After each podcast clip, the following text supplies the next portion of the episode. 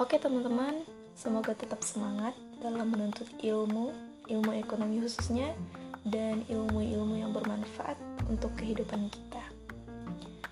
Baik, uh, untuk pembahasan kita kali ini kita akan menganalisis terkait dengan produk vintage khususnya pada crowdfunding dan peer-to-peer lending syariah tentunya. Masuk dulu ke definisi apa sih yang dimaksud dengan vintage atau financial technology sendiri. Vintage adalah penggunaan teknologi dalam sistem keuangan yang menghasilkan produk, layanan, teknologi, atau model bisnis baru serta dapat berdampak pada stabilitas moneter, stabilitas sistem keuangan, atau efisiensi, kelancaran, keamanan, dan keandalan sistem pembayaran. Nah, jadi e, secara simpelnya itu kita mengartikan financial technology itu adalah e, transaksi keuangan di mana dilakukan melalui akses internet. Gitu. Adapun regulasi dan sumber hukum yang mengatur jalannya vintage terdapat dalam UU nomor 11 tahun 2008 tentang informasi dan transaksi elektronik dalam undang-undang ini menjelaskan bahwa transaksi elektronik adalah perbuatan hukum yang dilakukan dengan menggunakan komputer, jaringan komputer, atau media elektronik lainnya. Selanjutnya, Vintage juga diatur dalam UU nomor 8 tahun 99 tentang perlindungan konsumen. Pada PP nomor 82 tahun 2012 tentang penyelenggaraan sistem dan transaksi elektronik. Diatur juga dalam Peraturan Bank Indonesia nomor 19 slide 12 slide PBI slide 2017 tentang penyelenggaraan teknologi teknologi finansial. Selanjutnya, POJK nomor 77 tahun 2016 tentang layanan pinjam meminjam uang berbasis teknologi informasi. Diatur juga dalam POJK nomor 1 tahun 2013 tentang perlindungan konsumen sektor jasa keuangan. Dan yang paling penting karena kita membahas tentang syariah, tentunya ada dalam aturan Dewan Syariah Nasional yang tercantum pada Fatwa DSN MUI nomor 117 tahun 2018 tentang layanan pembiayaan berbasis teknologi informasi berdasarkan prinsip syariah.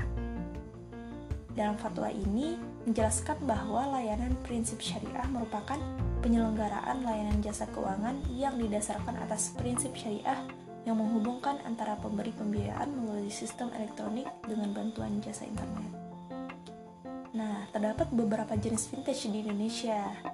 Di antaranya seperti crowdfunding, peer-to-peer lending, e-money, insurance, payment, payment gateway, remittance, securities, dan lain sebagainya.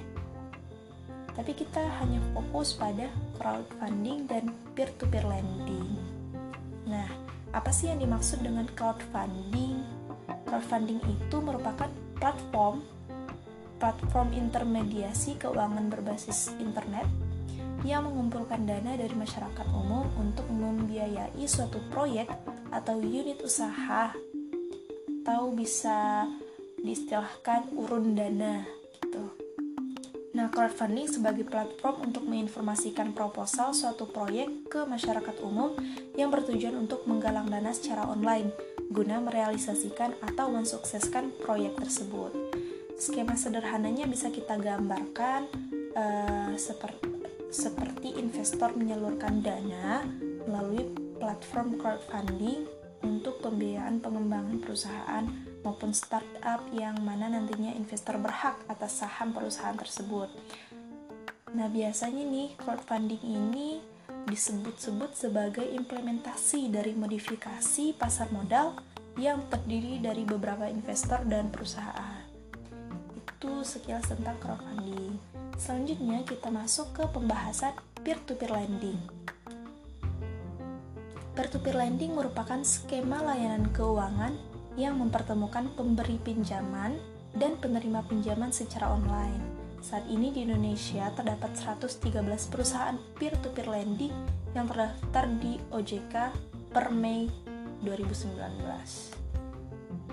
Nah, berdasarkan pengertian yang telah saya sebutkan tadi, terdapat beberapa istilah penting dalam transaksi peer-to-peer lending, yaitu yang pertama, penyelenggara atau platform adalah Badan Hukum Indonesia yang menyediakan, mengelola, dan mengoperasikan layanan pinjam meminjam uang berbasis teknologi informasi. Yang kedua, pemberi pinjaman atau disebut dengan lender adalah orang atau badan hukum atau badan usaha yang mempunyai piutang karena perjanjian layanan pinjam meminjam uang berbasis teknologi informasi.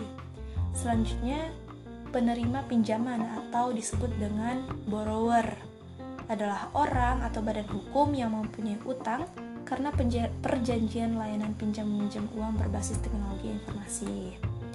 Nah, selanjutnya ketika kita udah tahu apa itu definisi peer-to-peer lending uh, dan siapa saja pelakunya ya dalam peer-to-peer lending kita harus tahu apa aja sih syarat ketentuan transaksi dalam peer-to-peer lending. Nah terdapat beberapa syarat nih dalam uh, transaksi peer-to-peer lending. Yang pertama warga negara Indonesia. Yang kedua usianya 21 sampai 55 tahun. Yang ketiga punya pekerjaan dan penghasilan. Kegiatan investasi syariah khususnya investasi berbasis teknologi telah diatur oleh DSN MUI dalam fatwanya nomor 117 bahwa layanan pembiayaan berbasis teknologi informasi berdasarkan prinsip syariah merupakan penyelenggaraan layanan jasa keuangan yang didasarkan prinsip syariah yang menghubungkan pemberi pembiayaan dengan penerima pembiayaan untuk melakukan akad pembiayaan melalui sistem elektronik dengan bantuan jaringan internet. Nah, dijelaskan juga dalam fatwa tersebut terdapat tiga subjek hukum yang melakukan kegiatan layanan pembiayaan berbasis teknologi informasi yang meliputi penyelenggara, penerima pembiayaan, dan pemberi pembiayaan.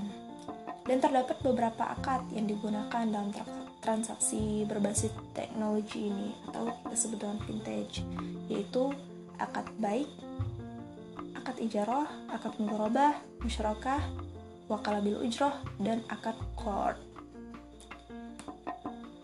Apa aja sih mekanisme yang diperbolehkan dalam fatwa vintage ini? Yang pertama, diperbolehkan melakukan Pembiayaan anjak piutang atau factoring. Pembiayaan dalam bentuk jasa pengurusan penagihan piutang berdasarkan bukti tagihan atau invoice, baik disertai atau tanpa disertai talangan atau court yang diberikan kepada pelaku usaha yang memiliki tagihan kepada pihak ketiga atau payer. Nah, selanjutnya mekanisme yang diperbolehkan dalam vintage juga adalah pembiayaan pengadaan barang pesebab atau purchase order pihak ketiga.